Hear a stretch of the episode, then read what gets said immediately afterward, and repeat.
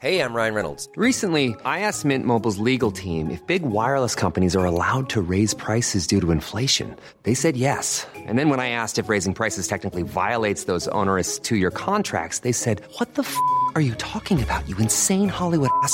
F- So to recap, we're cutting the price of Mint Unlimited from $30 a month to just $15 a month. Give it a try at mintmobile.com slash switch. $45 upfront for three months plus taxes and fees. Promo rate for new customers for limited time. Unlimited more than 40 gigabytes per month. Slows. Full terms at mintmobile.com. I'm Sandra, and I'm just the professional your small business was looking for. But you didn't hire me because you didn't use LinkedIn jobs. LinkedIn has professionals you can't find anywhere else, including those who aren't actively looking for a new job but might be open to the perfect role, like me. In a given month, over 70% of LinkedIn users don't visit other leading job sites. So if you're not looking on LinkedIn, you'll miss out on great candidates like Sandra. Start hiring professionals like a professional. Post your free job on linkedin.com/people slash people today. Hey, it's Ryan Reynolds, and I'm here with Keith, co star of my upcoming film, If, only in theaters, May 17th. Do you want to tell people the big news? All right, I'll do it. Sign up now and you'll get unlimited for $15 a month in six months of Paramount Plus Essential Plan on us. Mintmobile.com slash switch. Upfront payment of $45 equivalent to $15 per month. Unlimited over 40 gigabytes per month. Face lower speeds. Videos at 480p. Active Mint customers by 531.24 get six months of Paramount Plus Essential Plan. Auto renews after six months. Offer ends May 31st, 2024. Separate Paramount Plus registration required. Terms and conditions apply if rated PG. Varför låter det, är det, när det, vad är det som händer? Det är inget som låter konstigt. Det är jag som är täppt. Det lät bra. Det är, alltså det är bara att jag är täppt. Så Ja, ibland okej. så hör jag liksom Ja. i mitt eget huvud.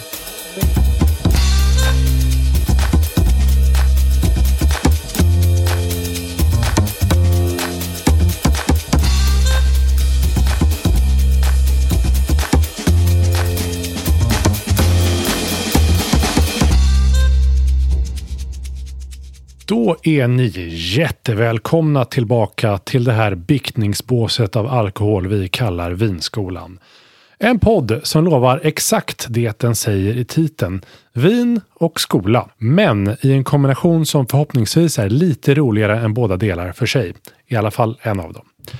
Och vi som kommer dra dig i långbänk idag är rektor för universitetet, Mikael. Och jag, förstaårsstudenten, Karl-Johan. Jag undervisar och du pladdrar. Exakt, det är så det är. Jag stör dig. När du... Nej, men det sa du någon gång. Jag, jag, jag skulle stå för fakta, du skulle stå för trams. Ja, det det är lite så vi har delat upp våra uppgifter. En kräver mer research än den andra kan jag meddela. eh, så här, det är inte skola vi ska prata om idag specifikt, utan vi ska prata om vinkändisar eller vin-VIPs. Eh, vi hade ju ett avsnitt om det här för ja, ett tag sedan.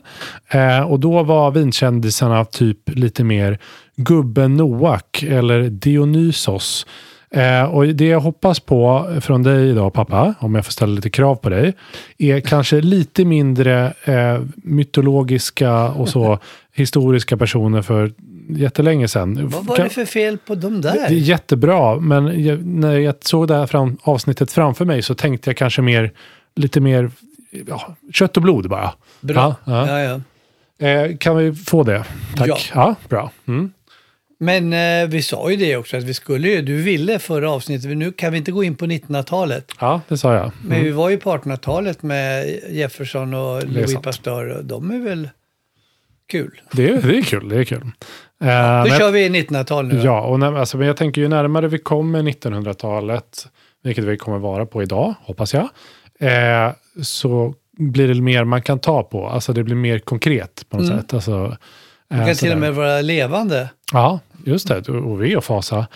Prata om levande personer. Eh, hur, av de här du, du har samlat här då, jag ser att du har skrivit ner några. Mm. Eh, eh, hur många av de här tror du att gemene man känner till? Eh, vem är gemene man? Gemene vinman? Eh, ja, gemene eh, person på, som lyssnar på podden, ska vi säga kanske. Ja, de är lite det, mer intresserade. Det tror jag. Jag tror tre stycken i alla fall. Mm, Okej. Då säger inte vilka, så får vi se. Nej, men jag tror att Philippe de Rothschild känner man väl till. Rothschild mot Rothschild. Och jag tänker också Robert Mondavi. Mm, Det är ett vinhus som heter så. Just det. Och så tänker jag att man har koll på den här vinkritiken Robert Parker som vi ska prata om. Bra. Kanske inte att de har koll på den här första vi ska prata om. Ja. Uh, TV Manson. Ska vi göra så att vi tar oss till delen där du pratar om de här olika eh, lite historiska vinkändisarna. Och då börjar vi med en som heter TV Manson. Ja, berätta pappa. Vem är den här mannen? Ja, det, det här är lite tillkommande, men jag, jag tycker det var så himla spännande med den här personen. Han är förvisso mer 1800-tal än eh, 1900-tal. Han föddes i mitten av 1800-talet och dog i eh, början på 1900-talet. Eh, men det var han som räddade den europeiska vin, vinindustrin från undergång har det visat sig. Jaha, hur då? Han Genom har inte fått så mycket beröm för det. Nej. Jo, men han var amerikan och samlade ihop massa hybrider eller eh, vilda vinstockar i USA. Jaha. Och var helt fascinerad utav det. Samlade ihop flera hundra, tror jag, eh, från olika stater. Och eh, utvecklade då en plantskola med sådana här i Texas. Alltså så han, hade, han odlade dem faktiskt. Han Ja, han tog fram eh, vilda vinsorter, eh, druvvinsorter från USA. Som växte vilt, det vet, vi allt från Ja, när eh, vikingarna kom dit. Alltså, ja, just det. De kom från eh, Norden. han kallar det för Vinland. Ja, just det. Mm. Eriksson, ja. Eh, Leffe. Och eh, han fick reda på det här med Phylloxera-katastrofen i vinlusen i USA. Ja, Som slog till väldigt hårt, bland annat i Bordeaux som vi har pratat om. ja. Och tänkte, mhm, jag kanske kan hjälpa till. Satt För han hade Texas kommit på, på ja. att de här vinstockarna, stockarna till de här, de växte i USAs jord. Ja, Där fanns det vinlus, det var så den kom till Europa. ja. Och de var faktiskt resistenta mot det. Då började han experimentera att eh, liksom ympa på en europeisk vinranka på den här amerikanska rotstocken. Mm. Och så experimenterade han med det och det tyckte han gick väldigt bra. Ja. Och så presenterade han det för några franska vinodlingsexperter. Och de sa, vad håller du på med? Nej, de tänkte värt att testa. De Ja. hade ju testat mycket konstigt som vi vet. Ja, Eh, Så det här måste vi testa, sa de. Ja. Och det gjorde de och det funkade jättebra. Och sen dess har den här idén från den här TV Manson, ja, Thomas Volney Manson, Aha. varit det som har gällt. ja. Alla eh, vinstockar i världen i princip är ympade på amerikanska rotstockar. För att de var immuna mot det. För att de är fortfarande immuna. Ja, Eh, Vinlusen finns fortfarande kvar. ja det är så. Mm. Förutom i Chile. Ja, där finns den inte, nej. Nej, nej. Och därmed är de prefyloxera. exakt. Det har du koll på. Jag vet, det är det enda jag kommer ihåg från Chile-avsnittet. Eh, det, Nej, och så läste jag om honom här nu och tänkte man måste säga också att det fanns ju en eh, europe som hjälpte till på andra sidan, Ja. på denna sidan, som heter Hermann Jäger, tysk-schweizare. Så jag tyckte att vi ska ge honom lite beröm också. Ni får inte glömma bort Hermann Jäger. Nej, Nej, då Nej. kommer vi få hela släkten Jäger efter oss. De kommer att bli vansinniga. yes! Varför har ni glömt bort honom, Hermann Jäger? Vår familjen Jägers stolthet. Nej men okej, det, det är roligt hur eh, liksom, viktig den här händelsen med eh, vinlusen eller Phylloxera är. För att det liksom förstörde allt vin. Och då, Vinranker, ja. ja, vinranker. Och indirekt kunde man inte göra vin. Nej, precis. Man fick dricka det man hade.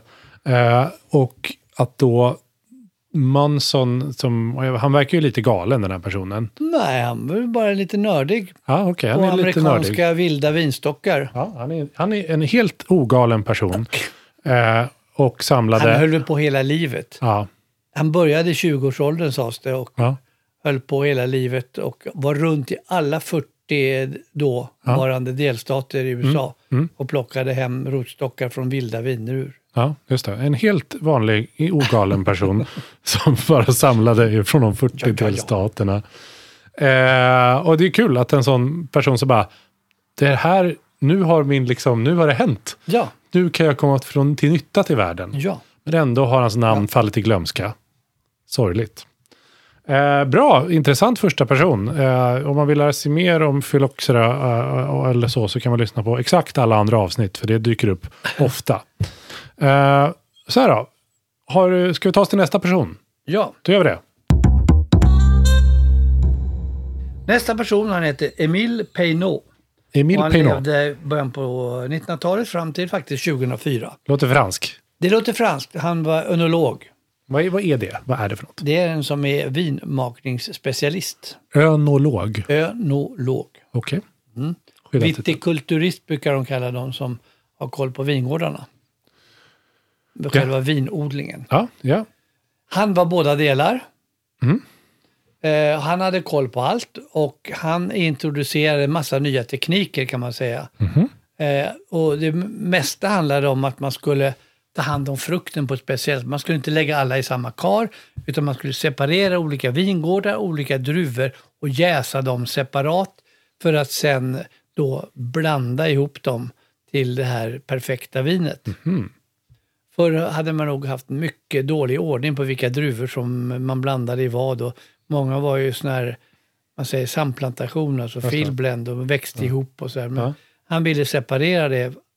Årgångar, druvor, växtplatser och så. Få lite kontroll på det. Och eh, han ville också att man skulle ha temperaturkontrollerad jäsning. Alltihop på det här som är, naturligt idag Ja. var ju det som kommer från honom. Så han var väldigt eh, tidig med de här idéerna som var liksom nyskapande. Och dessutom det här med malolaktisk jäsning tyckte han var väldigt bra. Ja, det är precis. För malolaktisk jäsning, ska se om jag kommer ihåg det här.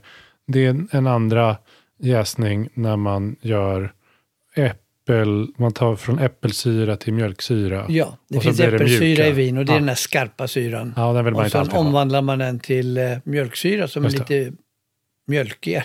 Ja, Lite mjukare lite mjukare. Ja, jag fattar. Och eh, före hans tid så ansågs liksom malolaktisk jästa viner vara dåliga. Puff, fy, Fy, äckligt. fy för dem. Ja. Bara av, av ren, eh, man tycker inte att det var gott bara, eller vadå? Nej, det skulle inte vara så. Nej, fel. Ja. Eh, och han skrev massa böcker. Det finns en som heter eh, The Taste of Wine som du kanske borde läsa. Om Okej. kvällslitteratur. The Art and Science of Wine Appreciation. Fast Ja. på franska då. Ja. Eh, men eh, det är det som alla läser och eh, förundras över hur man kunde komma på alla de här fina tankarna. Mm. Och två killar då som alla känner till som håller på med vin. En heter Michel Roland som var sån här driving flying winemaker och fortfarande håller Vad på. va, va är, vadå? Han åker runt och tar konsultuppdrag åt vinhusen, framförallt i Bordeaux. Ja. Har gjort det. Och en, han heter Patrick Leon. Ja. Ehm, så de åker dit och så säger nej, gör lite mera så, mm, gör lite mera så.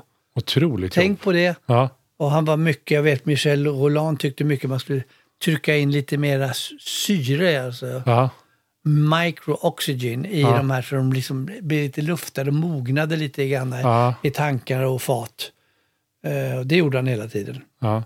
Det här är liksom vinvärldens dyra McKinsey-konsulter det här. Ja, De kommer in där, Roland, och bara har en powerpoint om hur det ska Och det är samma varje gång. Mer syre in i vinet. Nej, men han tog väl en sån här liten pipett ner, en sån här vintjuv kallas Ja. det. Och så sa han, ja, eh, mikrooxygenation. Ja. Just det. Ja. Det kostar Det, 150 det var i alla 000 fall lärjungar till eh, Peinot. Jag fattar. Ja, nästa. Nej, men jag, först vill jag, innan vi går vidare, så vill jag bara sammanfatta det. Alltså, Emile Pernod är känd för att han liksom gjorde hela vinmakningen bättre, uppdaterade det på, till 1900-tal. Eller vad ska man säga? Mycket så kan Om man man säga. ska sammanfatta det. Alltså, han, han ökade kvaliteten på slutresultatet genom att man vårdade varje druva, varje skörd, varje växtplats separat. Och sen gjorde de en konst utav att göra den här assemblage, alltså Just det. Ja, men det är bra. Så man kan, om man kommer ihåg någonting från Emile Pe- Pernod eh, så är det att han liksom tog, han, han la mer energi på alla vissa delar i vinmakningen som gjorde att vinet blev bättre. Ja. Bra. Nu kan vi ta oss till nästa pappa. Och det har du skrivit ner här på ett papper är Baron Philippe de Rothschild. Det låter bra. Ja, Alla vet ju det, som nämndes. alla vet. Rothschild, alltså det är Mouton Rothschild, det finns Ja. Lafitte Rothschild, Slott. slott. Ja. Men Rothschild, känner du till dem? Känt efternamn, rik familj. Bankirer. Ja, sedan 1700-talet. ja. Jag tror att de gjorde sig en slant på eh, freden, slaget med Waterloo. Alltså? Att de var en av de första som fick reda på vad som hade hänt. De hade de snabbaste kurirerna. Aha. Och därmed kunde man agera lite grann innan resultatet av kriget var, Var klart. offentliggjort. Ja, just det.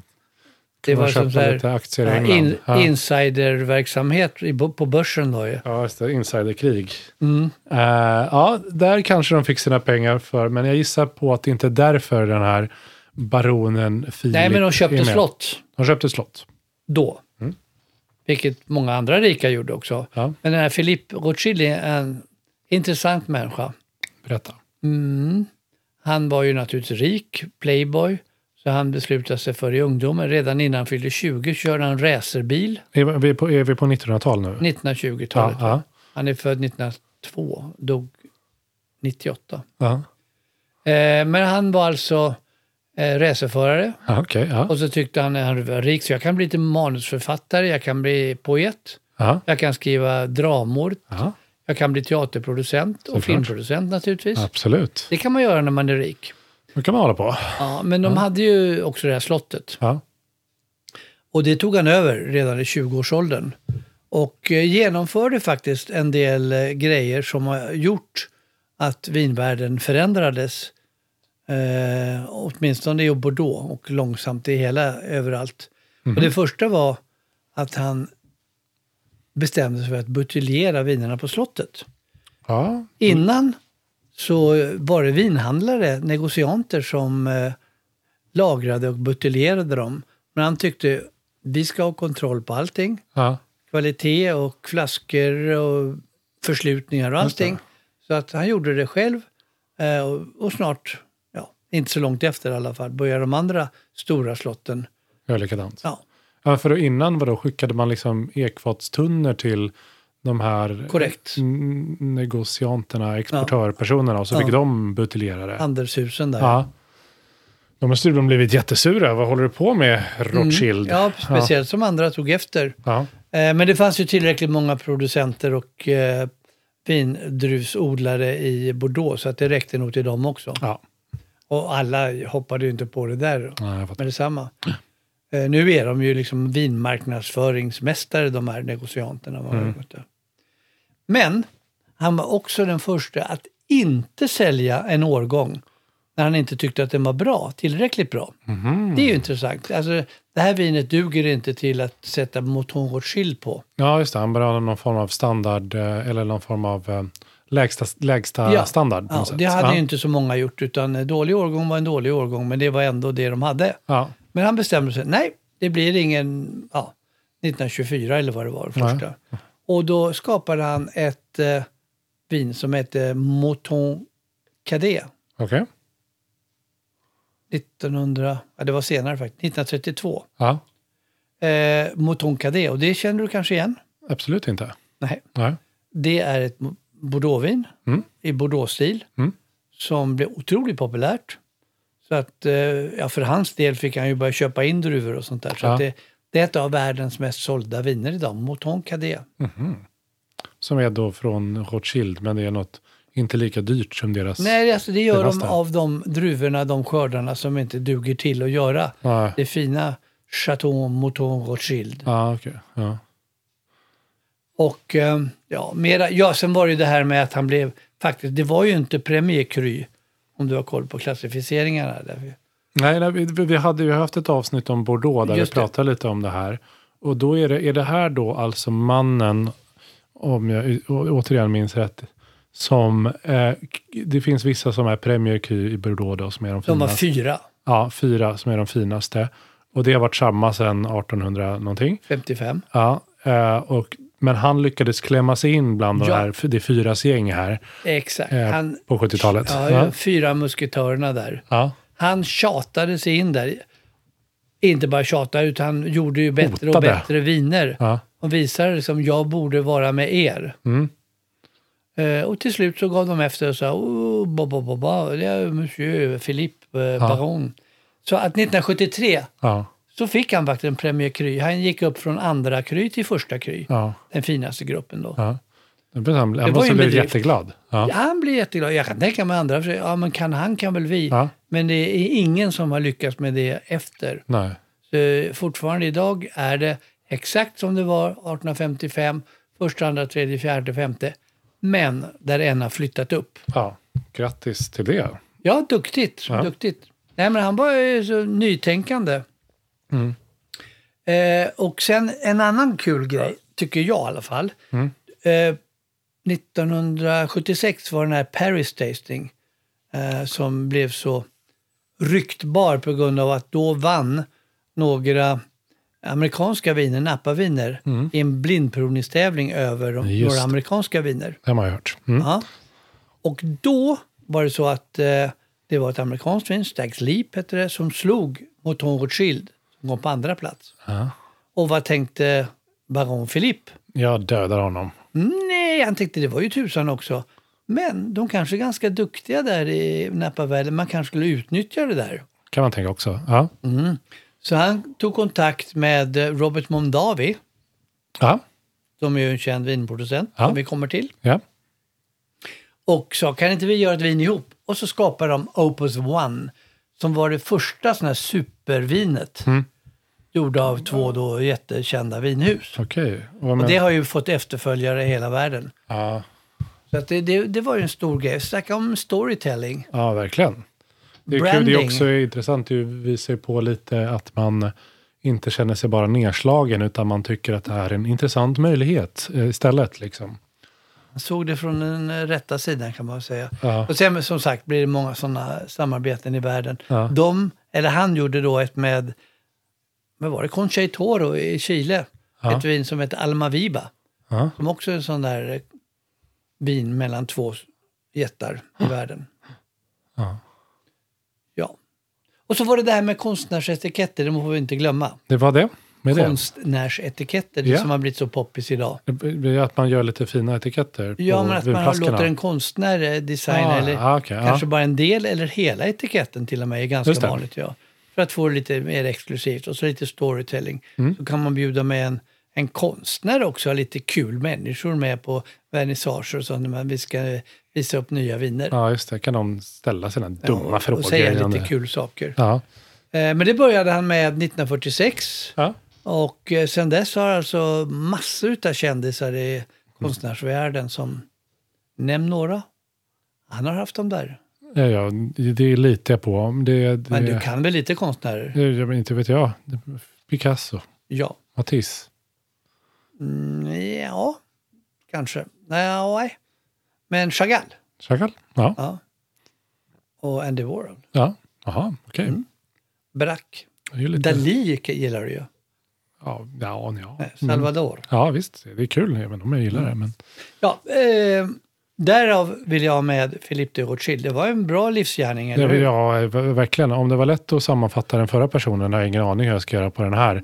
Han verkar ju som en, en riktig, vad ska man säga, du, du, säger, du säger playboy, men eh, någon form av, eh, ja, lite sån renässansperson inom eh, allt som har med vinmakning att göra. Uppdaterade lite olika gamla idéer folk hade på något sätt. Utmanade status quo inom vissa delar av vinvärlden i Bordeaux då, framförallt kanske. Ja, men är man, är man, är man rik eh, så kan man göra mycket kul och eh, lägger man sin hela livsgärning på att förbättra någonting inom vin, ja, då går det.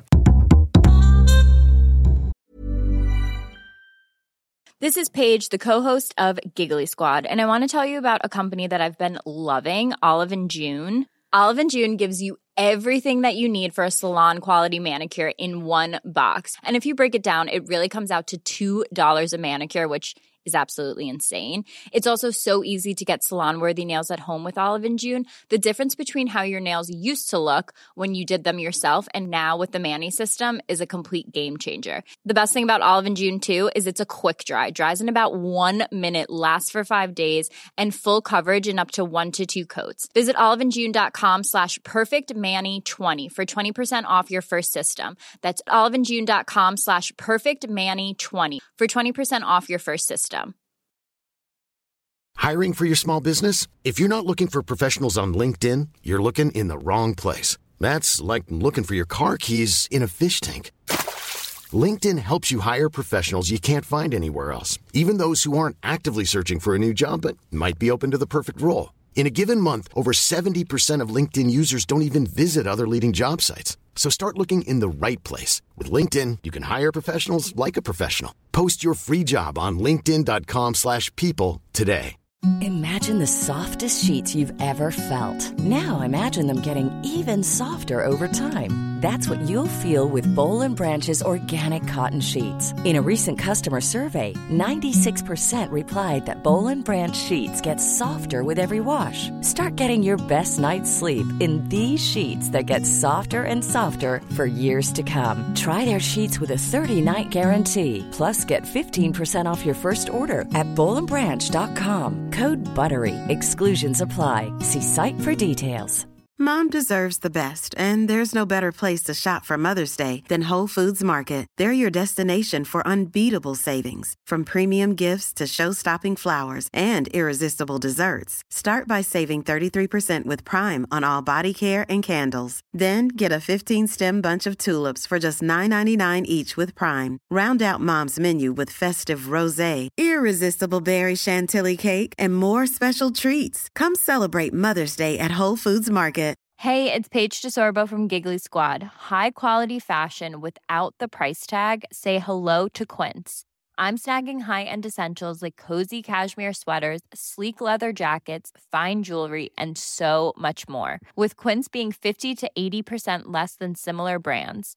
And they partner with factories that prioritize safe, ethical, and responsible manufacturing. I love that. Luxury quality within reach. Go to quince.com slash style to get free shipping and 365 day returns on your next order.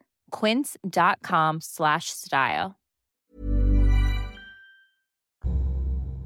Eh, vi tar oss vidare till nästa kändisar här. Eh, och jag säger kändisar för på mitt papper står det två personer nu. Du har fuskat pappa? Just så. Just så. Just så. Och de är bröder. De är bröder. Nej, men det här är ett... Jag tycker det är roligt att, att berätta om de här.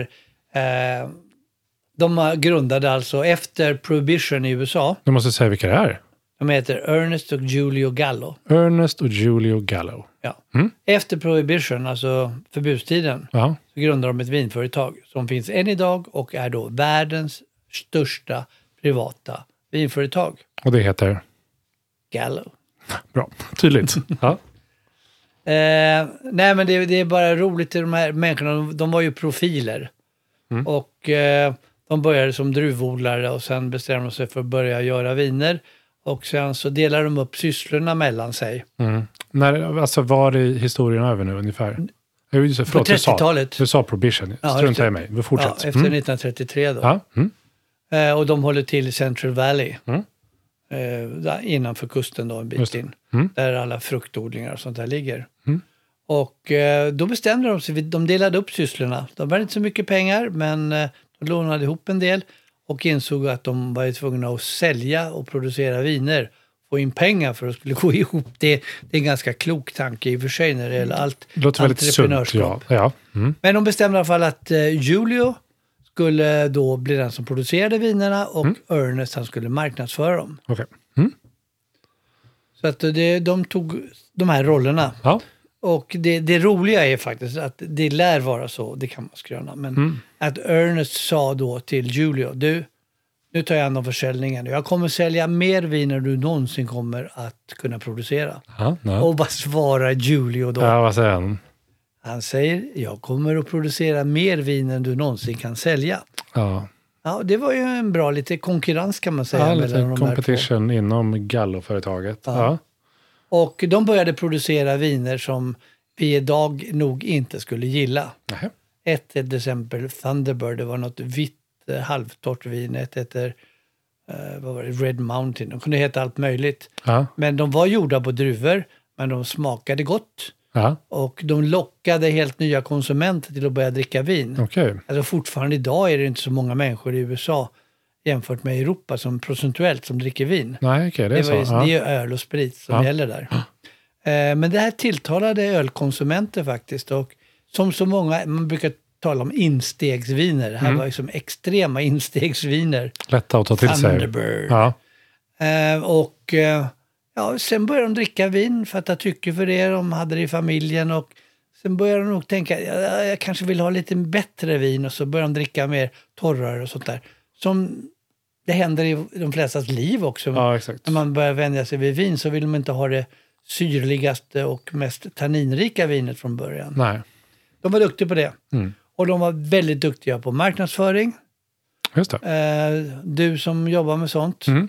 Så att de var duktiga på storytelling och branding och merchandise. Allt sånt där. Tidiga med annonser och tv-reklam, allt möjligt. Ja, är inte det liksom eh, amerikanernas eh, claim to fame inom många områden? Att så här, vi gör någonting, är det jättemycket bättre? Inte alltid, men eh, gud vad vi kan få dig att vilja ha det. Ja. Det är de väldigt bra på. Ja. Mm.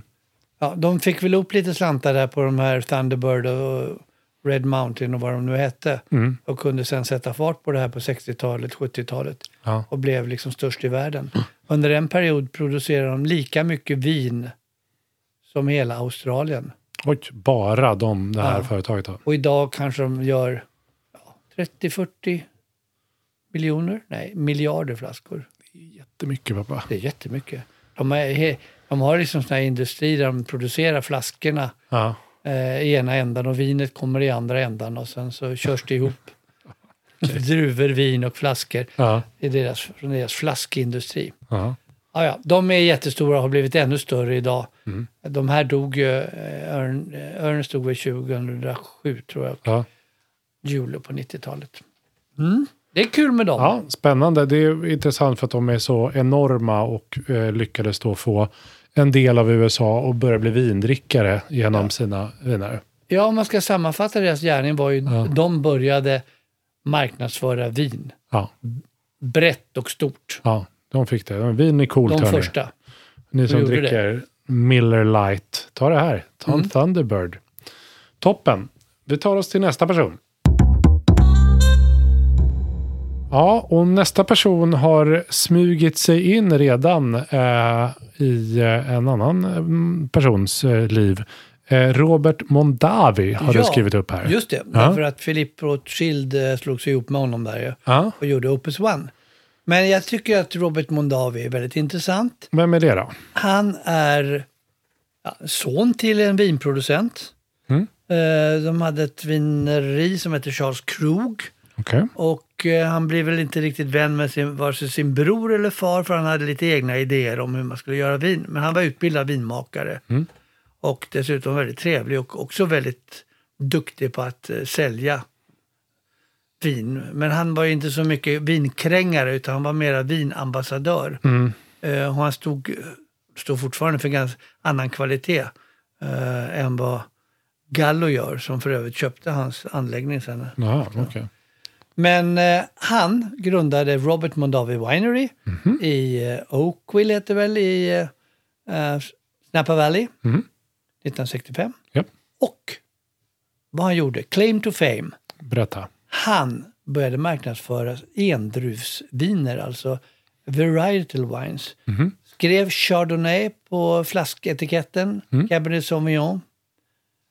And so on, and the rest is history. Ja, det är det verkligen. Ja. Och, alltså det här, han gjorde liksom druvan till eh, hjälten. Just det. Mm.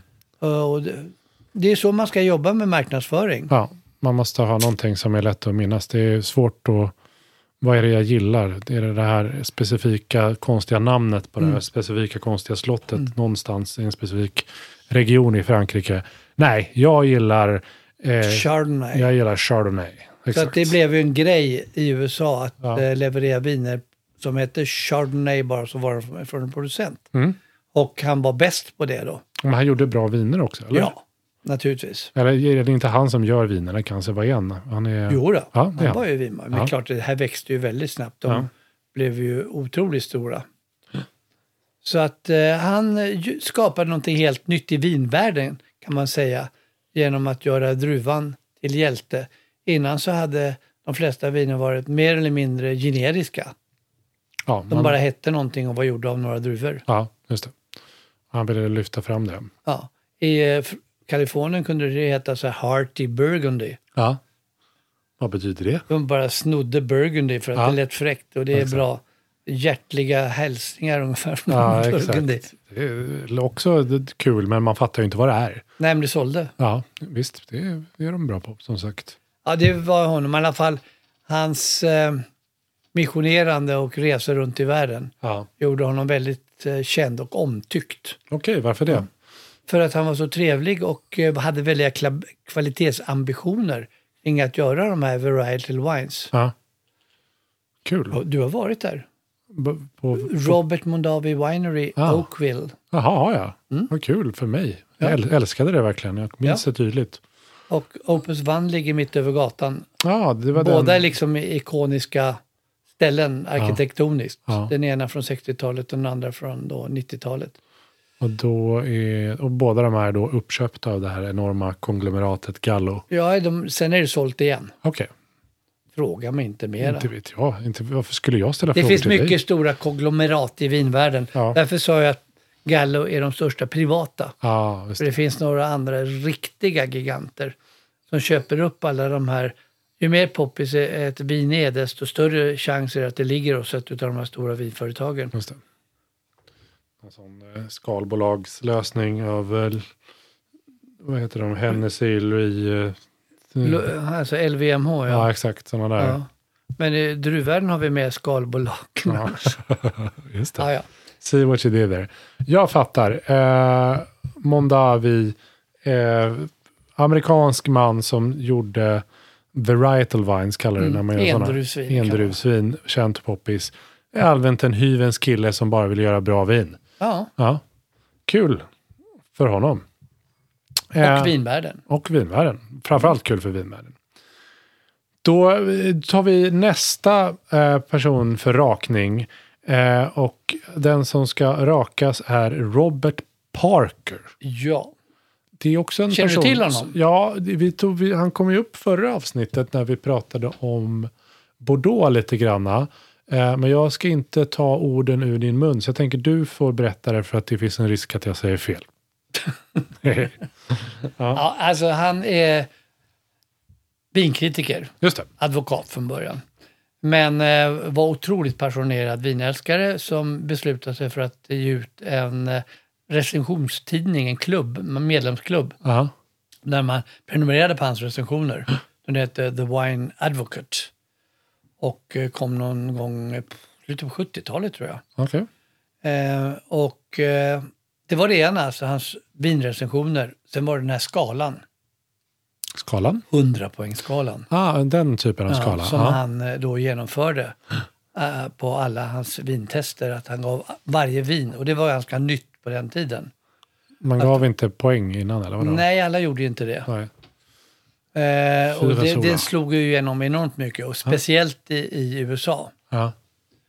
Eh, så att hans, hans smakanalyser och eh, den här poängskalan gjorde ju att eh, han började bli superkändis. Mm, spännande. Ja, speciellt som många vinhandlare då, och i synnerhet i USA, eh, skrev liksom att Parker 95 points på den här flaskan. Ja. Att de sålde det liksom på de här Parker-poängen. Men det är ju intressant, han är ju bara en person. Ja, Ja, och de struntade lite grann i vad han hade skrivit utan det var bara poängen som gällde. ja okej. Så att eh, man skulle hellre köpa en 95-poängare än 94-poängare. Ja, just det. det Du fattar. bättre. Ja.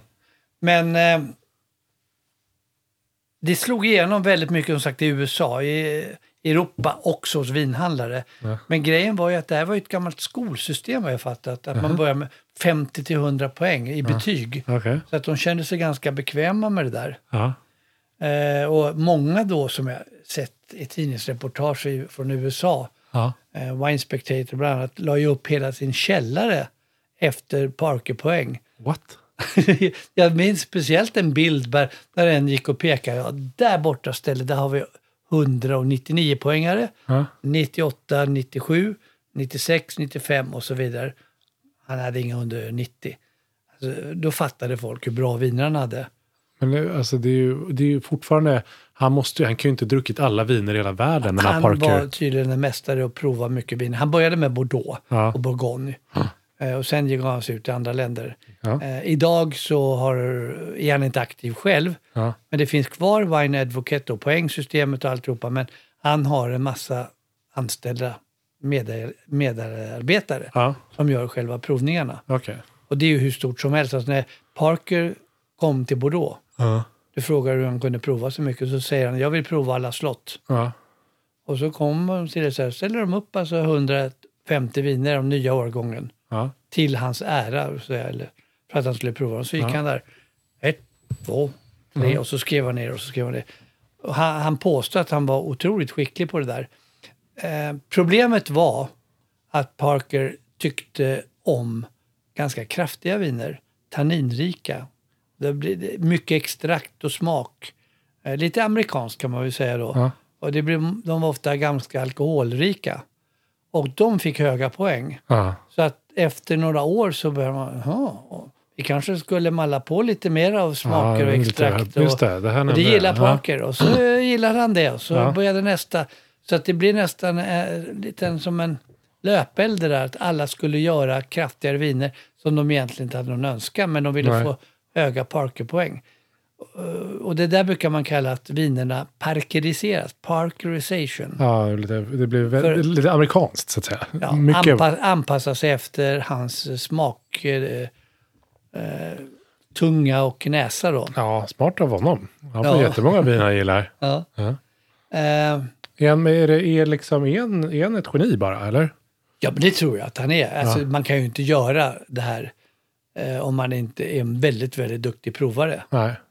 Eh, men han kanske tog i lite mycket. Jag kommer ihåg att jag läste om honom i en intervju. Jag skulle kolla lite där, eh, jag tror år 2000, så hade han påstått att han hade koll på alla, alla viner han hade provat.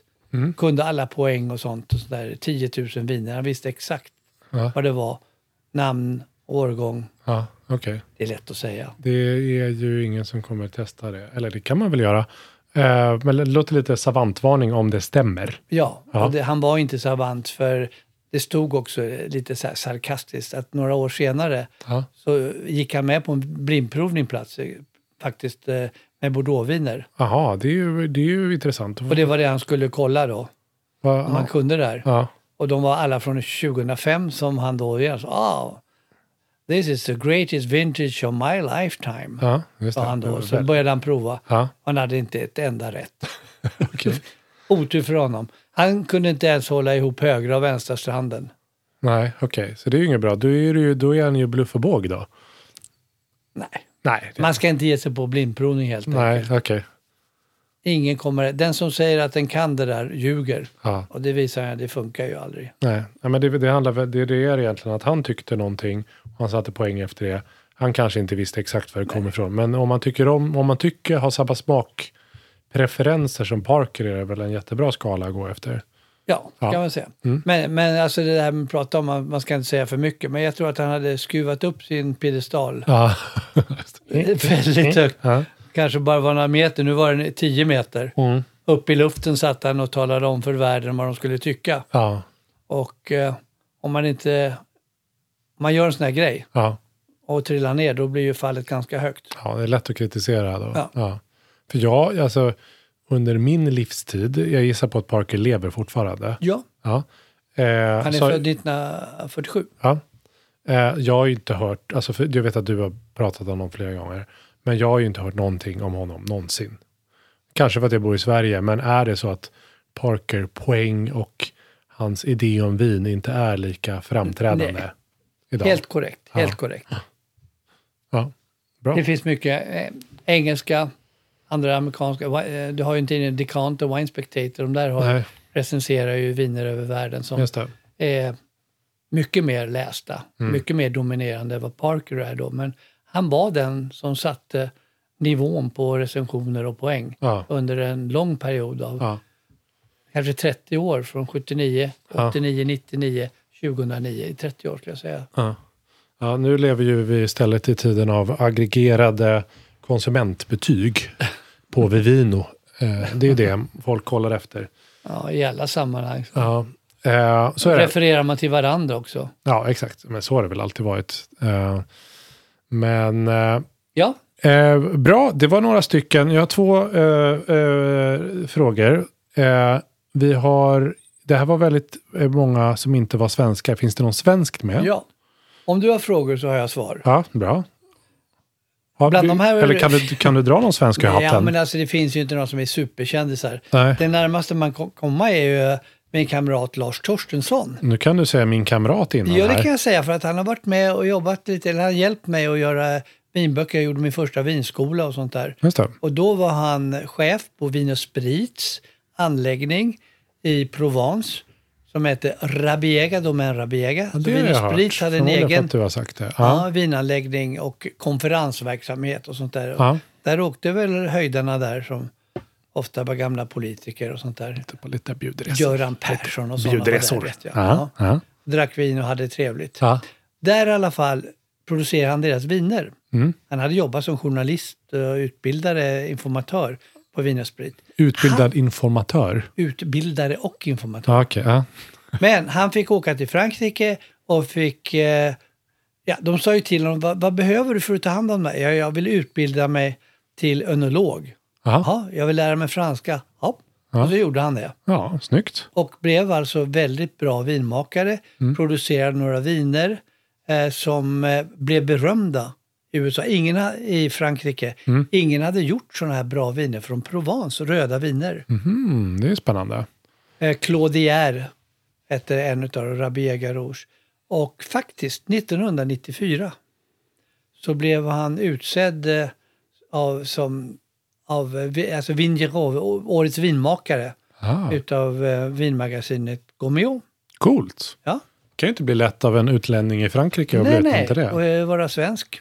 Ja. Eh, sen har han jobbat som flying winemaker, Ja. eller driving winemaker. Det är att man åker runt och är lite konsult sådär. Ja, Ja. konsultat. Men idag är han tillbaka. Det är nya ägare på Domaine Rabiega. Ja. Så nu konsulterar han där och senast jag var där nere så, vem dyker upp om inte Lars Torstensson i Mm. egen hög person? Det var roligt. Spännande. Han är kul, duktig, bra. Aha.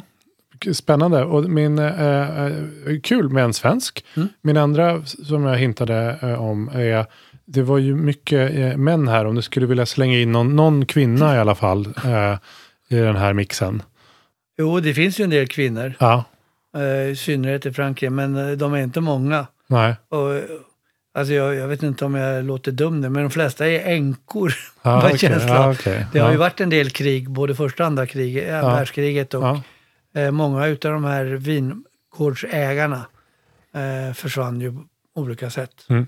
under krigen. Så det finns så många änkor från Veuve Clicquot då, änkan Clicquot. Mm. Eh, Madame Lencassin tror jag i Bordeaux. Jag tänker framförallt Lily Bollinger. Just det, hon har väl en Hon är hel eh, berömd. tävling utnämnd efter sig också. Ja, till och med det är årets Lily Bollinger. Eh, Ja. Men hon skapade ett världsrykte för Bollingervinerna efter att hennes man hade försvunnit under andra världskriget. Okej, och cyklade runt i vingårdar och gjorde sig ett stort namn i vinvärlden som kvinna. ja. Det är häftigt. Det är inte, ja, så, ja, det är ju kul. Hon, hon fick eh, Bollinger lite mer, eh, fick lite mer intresse till Bollinger på något Ja, sätt och det är väl rätt att man använder hennes namn för att eh, ha det som en tävling för kvinnliga sommelier i Sverige. Ja, det, väl- det är det, där, för jag har hört den eh, Japp. grejen. Det är det, det. Mm. Okej, ja. Eh, ja, lite sån token kvinna här på slutet, men det är bättre än inget. Så här, eh, väldigt många intressanta namn, kul personliga historier. Jag tycker alltid det är intressant, även eh, när vi pratar om personer. Det är väldigt, I vissa avsnitt blir vi väldigt breda, pratar om stora händelseförlopp, pratar om 500 år på tre sekunder. Eh, här är det lite kul att höra om ett livsöde. Sådär. Är, är det någon, några mer du vill ta upp innan vi eh, parkerar ja, bilen? Alltså jag skulle kunna nämna en till, men jag, jag tänker att vi skulle kunna bygga på det här med ett avsnitt om de som präglar vår vinvärld idag i Europa Ja, och gör nya och bra grejer. Och de som är liksom rising stars och hittar på. Då kan man ju absolut. prata lite trender. Ja. För om vi pratar om sådana här som Gaia och Torres så är de till åren men har gjort oändligt mycket för viner. Mm. Eh, man kanske skulle prata om några vinskribenter också. Michael Broadbent och de här som har gjort, om man nu vill lära sig mer och fördjupa sig mer om det här. Ja, nu pratar du om det här som om jag visste vilka det var. Mm. Men det låter väl jättespännande att vi kan fortsätta det här som en liten serie med Ja. olika vin, intressanta vinpersoner. Ja, men det är roligt Ja. att prata om folk och då Ja. kan vi hitta lite roliga personligheter Ja. som faktiskt har speglat utvecklingen i vinvärlden. Det låter jättebra. tycker jag vi det gör. Tycker jag vi, gör. vi bestämmer det. Ja, Ja. tack för idag. Bra, tack för idag. Vi stänger lådan eh, och hörs igen som vi brukar göra. Lådan. Ja, man brukar ju säga det när man har en butik. Jaha. Vi stänger lådan. Mm. Eh, men inte vet jag. Vi stänger, jag trycker på en knapp här som säger sluta spela in. om vi ska vara helt korrekta. Ja. Då- Men hur började du det här avsnittet? Vet du det? Ja, då tryckte jag på den knappen igen.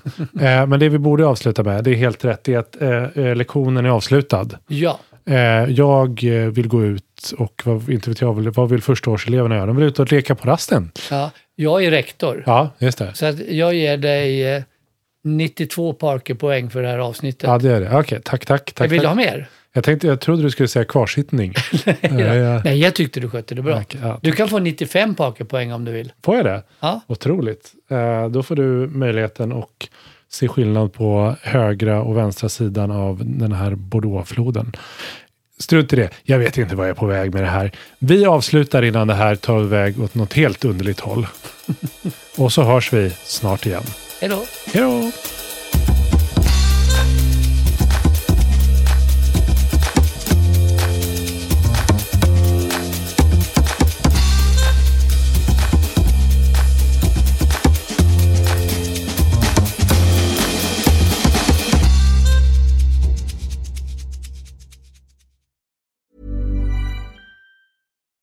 Deserves the best, and there's no better place to shop for Mother's Day than Whole Foods Market. They're your destination for unbeatable savings, from premium gifts to show-stopping flowers and irresistible desserts. Start by saving 33% with Prime on all body care and candles. Then get a 15-stem bunch of tulips for just $9.99 each with Prime. Round out Mom's menu with festive rosé, irresistible berry chantilly cake, and more special treats. Come celebrate Mother's Day at Whole Foods Market. Even when we're on a budget, we still deserve nice things.